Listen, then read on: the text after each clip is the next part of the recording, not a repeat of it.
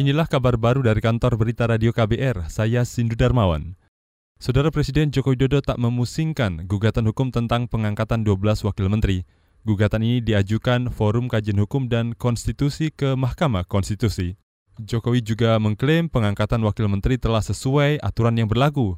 Hal itu kata dia juga sudah sesuai dengan beban kerja kementerian yang berat. Ya nggak apa-apa saja. Undang-undangnya kan juga tercantum jelas diperbolehkan. Ya itu kan apa penilaian. Karena kita ini mengelola negara sebesar 17.000 pulau, 267 juta itu tidak tidak mungkin dikerjakan untuk kementerian-kementerian tertentu yang memiliki beban yang berat. Presiden Jokowi membantah struktur kabinetnya terlalu gemuk dan memboroskan anggaran. Jokowi juga menolak kabinetnya dibandingkan dengan negara lain yang karena luas wilayah dan jumlah penduduk Indonesia jauh lebih banyak.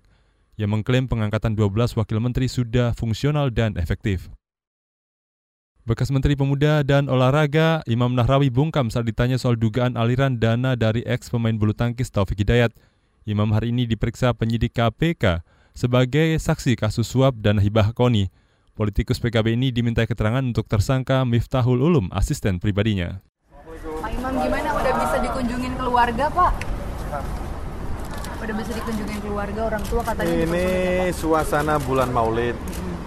Maka umat Islam harus perbanyak sholawat dan Allah itu maha baik takdirnya tak pernah salah jadi itu hikmah bulan maulid itu terima kasih eh kalau soal ada penerimaan Sudah. dari Taufik Hidayat Oh. benar nggak pak?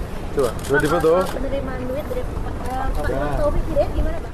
Saudara sebelumnya KPK mengungkap sejumlah peran Taufik Hidayat dalam suap dalam suap yang menjerat Imam Nahrawi. Taufik yang sempat menjabat staf khusus Menpora ini disebut pernah memberikan uang 800 juta rupiah kepada Imam.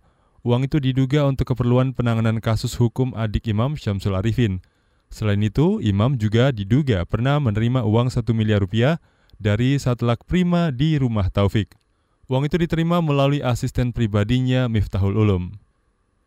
Pemerintah Provinsi Jawa Tengah bakal mengalokasikan dana 290 miliar rupiah tahun depan untuk perbaikan 1.500 bangunan sekolah rusak.